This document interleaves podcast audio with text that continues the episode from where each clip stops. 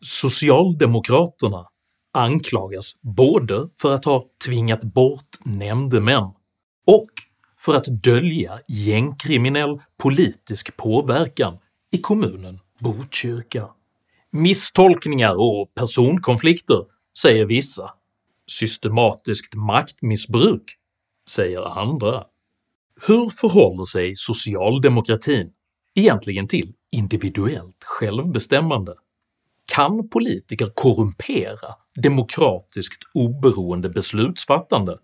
Och vad händer med ett samhälle som genom lögner överför makt från individ till politik? Dessa frågor tar jag upp i veckans video om socialdemokratins lögner.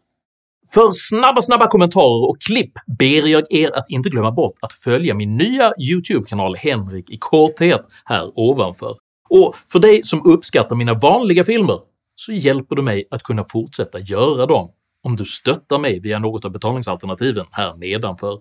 Det är nämligen endast tack vare ert generösa och frivilliga stöd som jag kan fortsätta detta arbete, så ett stort, stort tack till alla de av er som bidrar.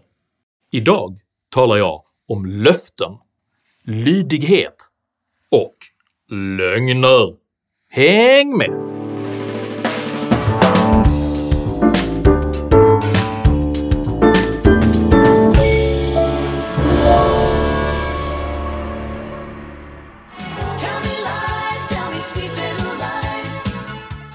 Tell me lies, tell me sweet little lies. Sjöng Christine McVie 1987 i Fleetwood Macs hitlåt om det ömsesidiga beroendet mellan bedragare och den som låter sig bedras. Precis på detta sätt har politiker sedan demokratins födelse kunnat tillskansa sig själva makt genom att berätta just de lögner som deras väljare är mottagliga för att höra. Ibland har detta handlat om storslagna men orealistiska visioner, som när bröderna Gracchus löften om mat, mark och välstånd till Roms fattiga istället ledde till hyperinflation och hela det romerska imperiets undergång. Vid andra tillfällen så handlar lögnerna om att skada sina motståndare, som när president Lyndon B Johnsons tv-reklam 1964 insinuerade att hans motståndare Barry Goldwater ville starta kärnvapenkrig. Men oftast används lögnen för att dölja politikers försök att överföra makt från medborgarna till sig själva. Ett aktuellt exempel på detta är socialdemokraternas nyligen avslöjade försök att utöva påtryckningar mot oberoende nämndemän efter att ett domslut hade blivit en politisk belastning. Diskussionen om vad politiker får tycka och inte tycka om domar har återigen blossat upp. Och bakgrunden det är den kritiserade så kallade snippadomen. Länge framhärdade socialdemokraterna i att de två nämndemän som plötsligt avsade sig sina uppdrag gjorde detta på eget initiativ. Och det är ett eh, beslut som de eh, själva har kommit fram till och, eh, och fattat. Trots detta uppgav en av nämndemännen till Sveriges Radio att han ännu helt stod bakom domen. Tidigare under torsdagen pratade P4 Göteborg med den ena nämndemannen som då fick frågan om han står fast vid den friande domen. Det kan jag svara på ja på. Jag står fast vid den. Strax efter framkom att nämndemännen hade kallats till vad socialdemokraternas ombudsman i Göteborg, Claes Wennberg, kallade “coachande samtal”. Under detta coachande samtal skrev båda nämndemännen varsin lapp som bekräftade att de omedelbart ville avsäga sig sina uppdrag som nämndemän, men samtalets innehåll ville S-distriktets ordförande Mattias Jonsson inte gå in på. Men hur de samtalen har gått och vad som har sagts, eh, det, det vill jag att det stannar mellan, mellan, mellan dem, så säga, oss som har haft de samtalen. Partiledare Magdalena Andersson avvisade efter detta fortsatta frågor rörande ärendet som irrelevanta.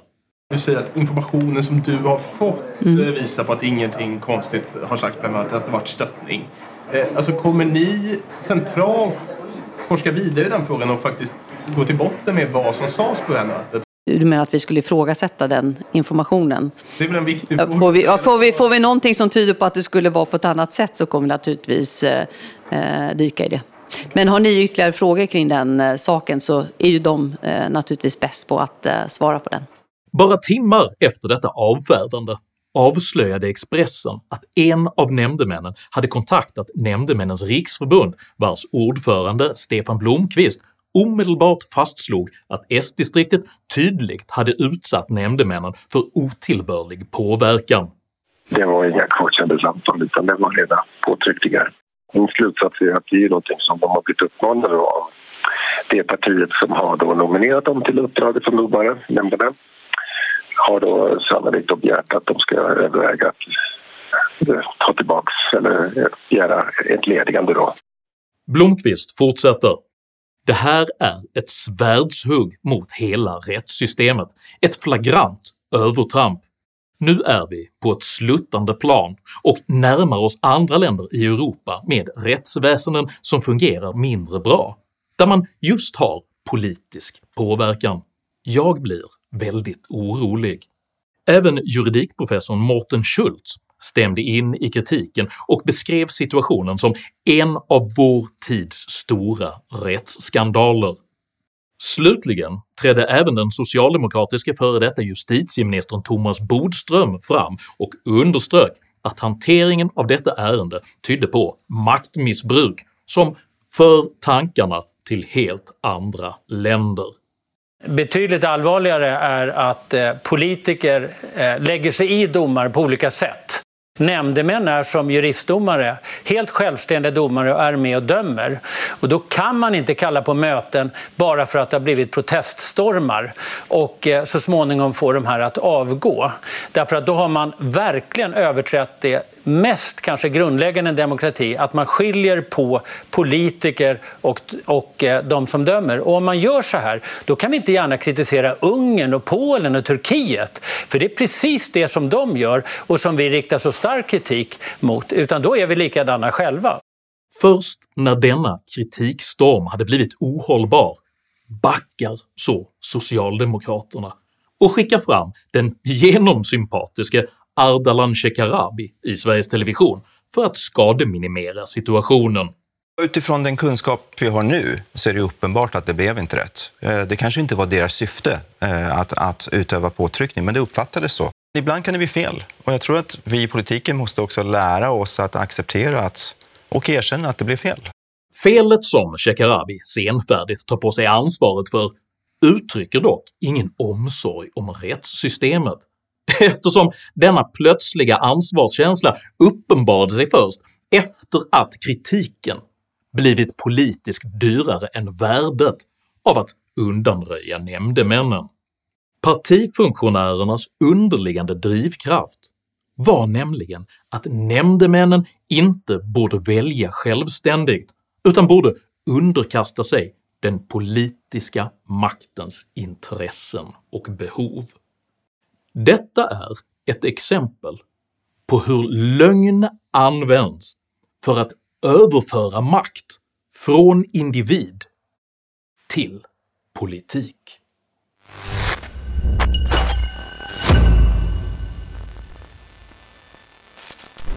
På snarlikt sätt ansätts just nu Socialdemokraterna av en demokratisk kris i Stockholmskommunen Botkyrka.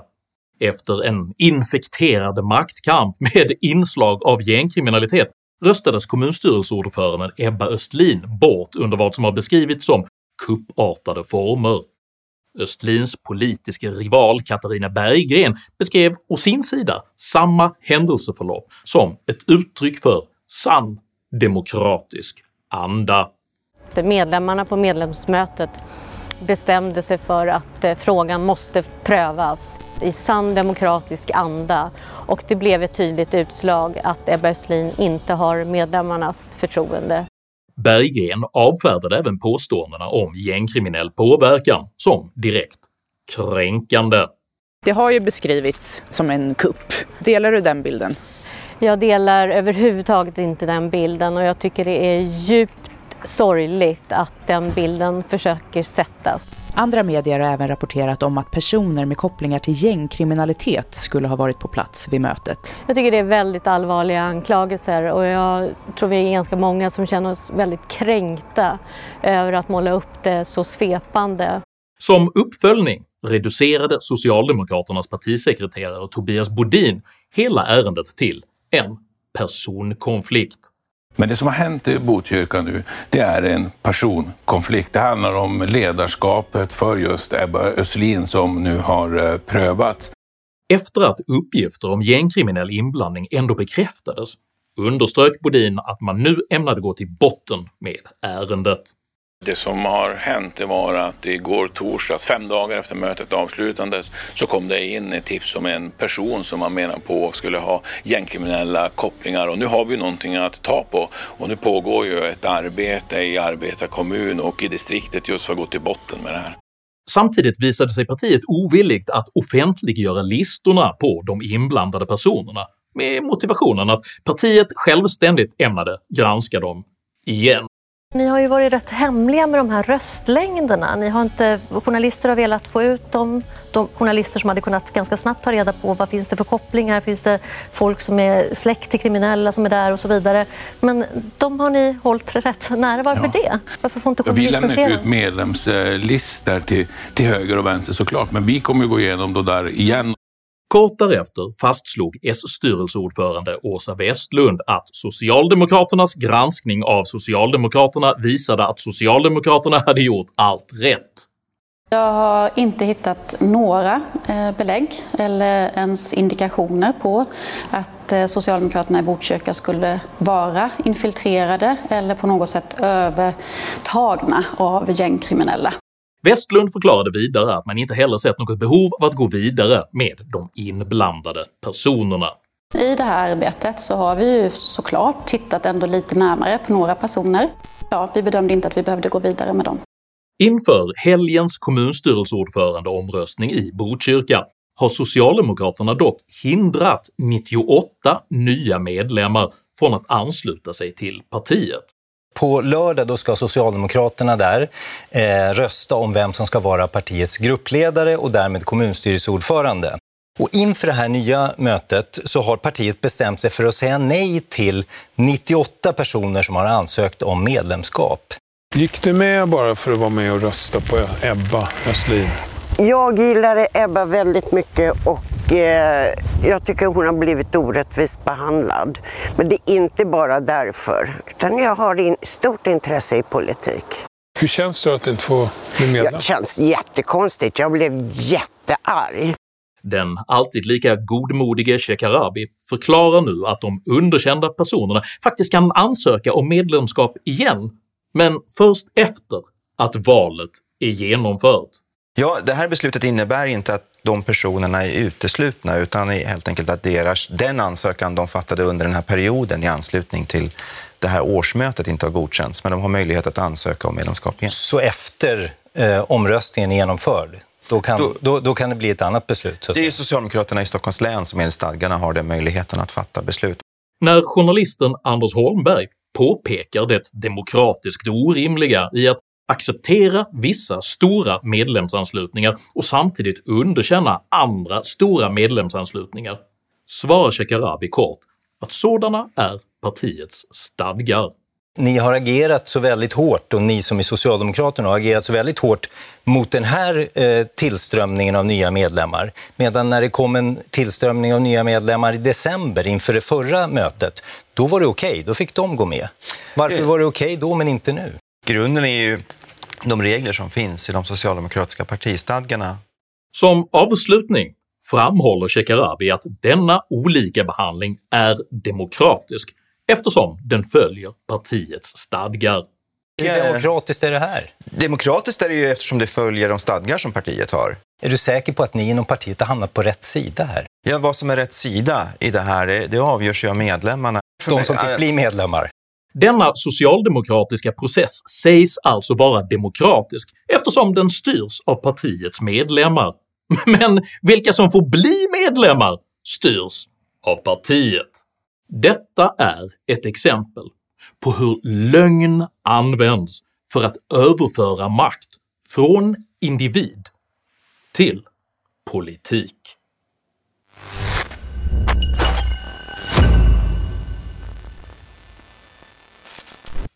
Fackförbundsorganisationen LOs maktstrategi är snarlik den elektorala filtreringen i Botkyrka och upprätthåller socialdemokratins finansiering och makt över arbetsmarknaden trots att en majoritet av LOs medlemmar nu röstar på andra partier. Vi har en siffra här, 60 procent. Vet du vad den står för? Nej. Det är så många av, de, eh, av dina medlemmar, LO-medlemmarna, som inte röstade på Socialdemokraterna. Ser du något just demokratiskt problem att det är eh, så många, eh, 60 procent, som inte röstar på Socialdemokraterna samtidigt som LO stöttar och ger sitt engagemang och en del pengar och så till, till partiet? Nej, utan vi måste ju följa som ledning för LO så följer vi de kongressbeslut vi har. De kongressbeslut som Gideonsson försvarar sig med fattas av ombud som väljs ut av fackförbunden, där Kommunal, IF Metall och Handels tillsammans står för 198 av de sammanlagt 300 ombuden och har alltså en klar majoritet. Dessa förbund ställer i sin tur följande krav på sina ombud verka för ett samhälle och arbetsliv på grundval av ett demokratiskt, socialistiskt och feministiskt perspektiv. Förbundet ska stärka arbetarnas makt i förhållande till kapitalets makt, verka för en samhällsutveckling på grundval av politisk, social och ekonomisk demokrati. Fackförbunden har alltså stadgar som gör det omöjligt för medlemmar som inte är socialister att bli förtroendevalda, vilket i förlängningen också gör det omöjligt att rösta fram ett beslut som förändrar LOs finansiering av socialdemokraterna. Kongressbesluten är alltså en chimär som döljer en strukturell socialistisk makthegemoni som folket inte kan ändra.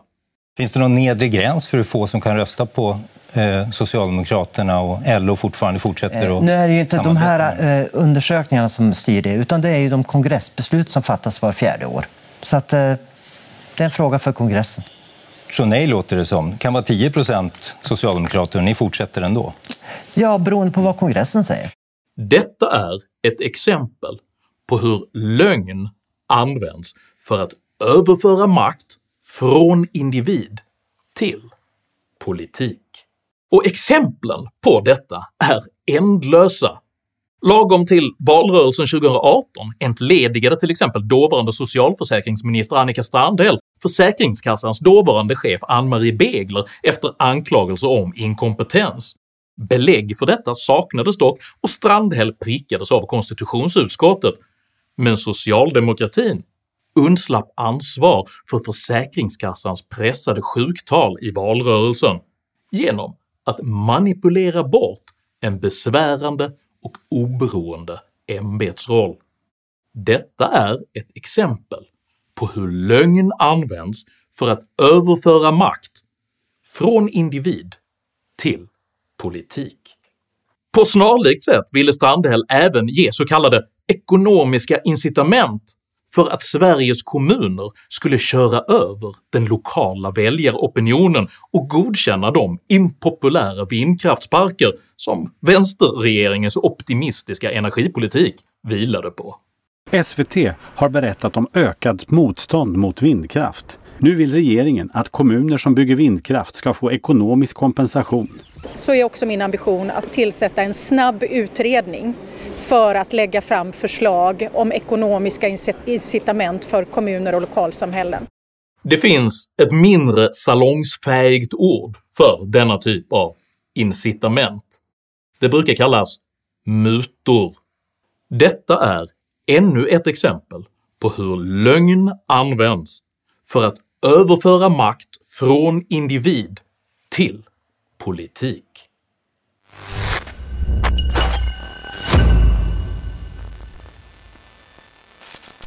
När den frimodige Shekarabi slutligen pressas på anledningarna till Sveriges unikt skenande våldsbrottslighet anger han så den socioekonomiska tankemodellens standardsvar, nämligen segregationen. En stor del av den här brottsligheten har ju en koppling till segregationen. Den segregation som Shekarabi föreställer sig har orsakat Sveriges kriminalitetsutveckling anges sedan ha två orsaker. Vi hade en period när Göran Johansson, Ilmar Reepalu i Göteborg och, och Malmö redan på 90-talet sa att de var mot EBO-lagstiftningen. Alltså att, man fick bosätta sig var man ville. Mm. Det bidrog ju till att, att förstärka segregationen i Sverige och det har i slutändan lett till en kriminalitet som i praktiken hotar tryggheten och tilliten i vårt samhälle. Shekarabi menar alltså att lagen som låter invandrare själva välja var de vill bo har orsakat Sveriges kriminalitetsutveckling.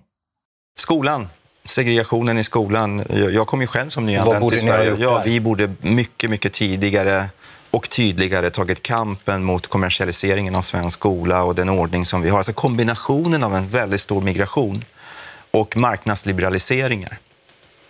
Det har varit en katastrof. Och i andra hand påstås alltså det fria skolvalet ha orsakat Sveriges kriminalitetsutveckling. Shekarabis förklaringar av Sveriges katastrofala tillstånd är alltså i båda fallen att folk har fått välja själva. Både invandrare som har valt var de vill bo och svenskar som har valt vilken skola de vill sätta sina barn i har nämligen valt bort den tvingande sociala ingenjörskonst som socialdemokratin uppfattar vara lösningen på i stort sett alla samhällsproblem. Detta är nämligen hela det socialdemokratiska projektets själva hjärta. Att beröva medborgarna möjligheten att välja själva, så att en renlärig och paternalistiskt fostrande stat istället ska kunna forma medborgarna enligt sina egna ideal. Socialdemokraternas gamla valslogan “Alla ska med” avslutas således med ett outtalat sinistra “och ingen kommer undan”. För om folkets fria val inte stämmer överens med socialdemokratins ideal och doktrin, då är det folket, inte doktrinen, som måste korrigeras. Avvikelser från denna doktrin beskylls därför för i stort sett alla samhällsproblem. Har Sveriges energipriser stigit? Det är för att folk själva har fått välja bort vindkraft.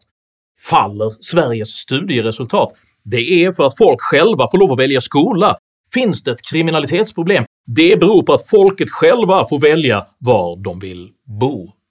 Och botemedlet mot alla dessa samhällsproblem är att med lögn överföra makt från individ till politik. Men precis som Christine McVie melankoliskt och melodiskt konstaterar kan detta maktövertagande endast pågå så länge medborgarna själva efterfrågar lögnens ansvarsfrihet.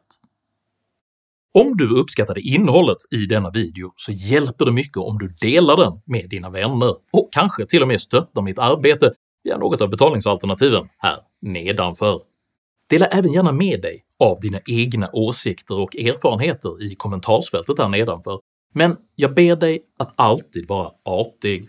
Jag accepterar inte aggression, personpåhopp eller rasism i mina idédrivna kommentarsfält. Tack för att du som kommenterar respekterar detta. Jag heter Henrik Jönsson, och jag anser att man bör överföra makt från politik till individ. För mig och tack för att du har lyssnat.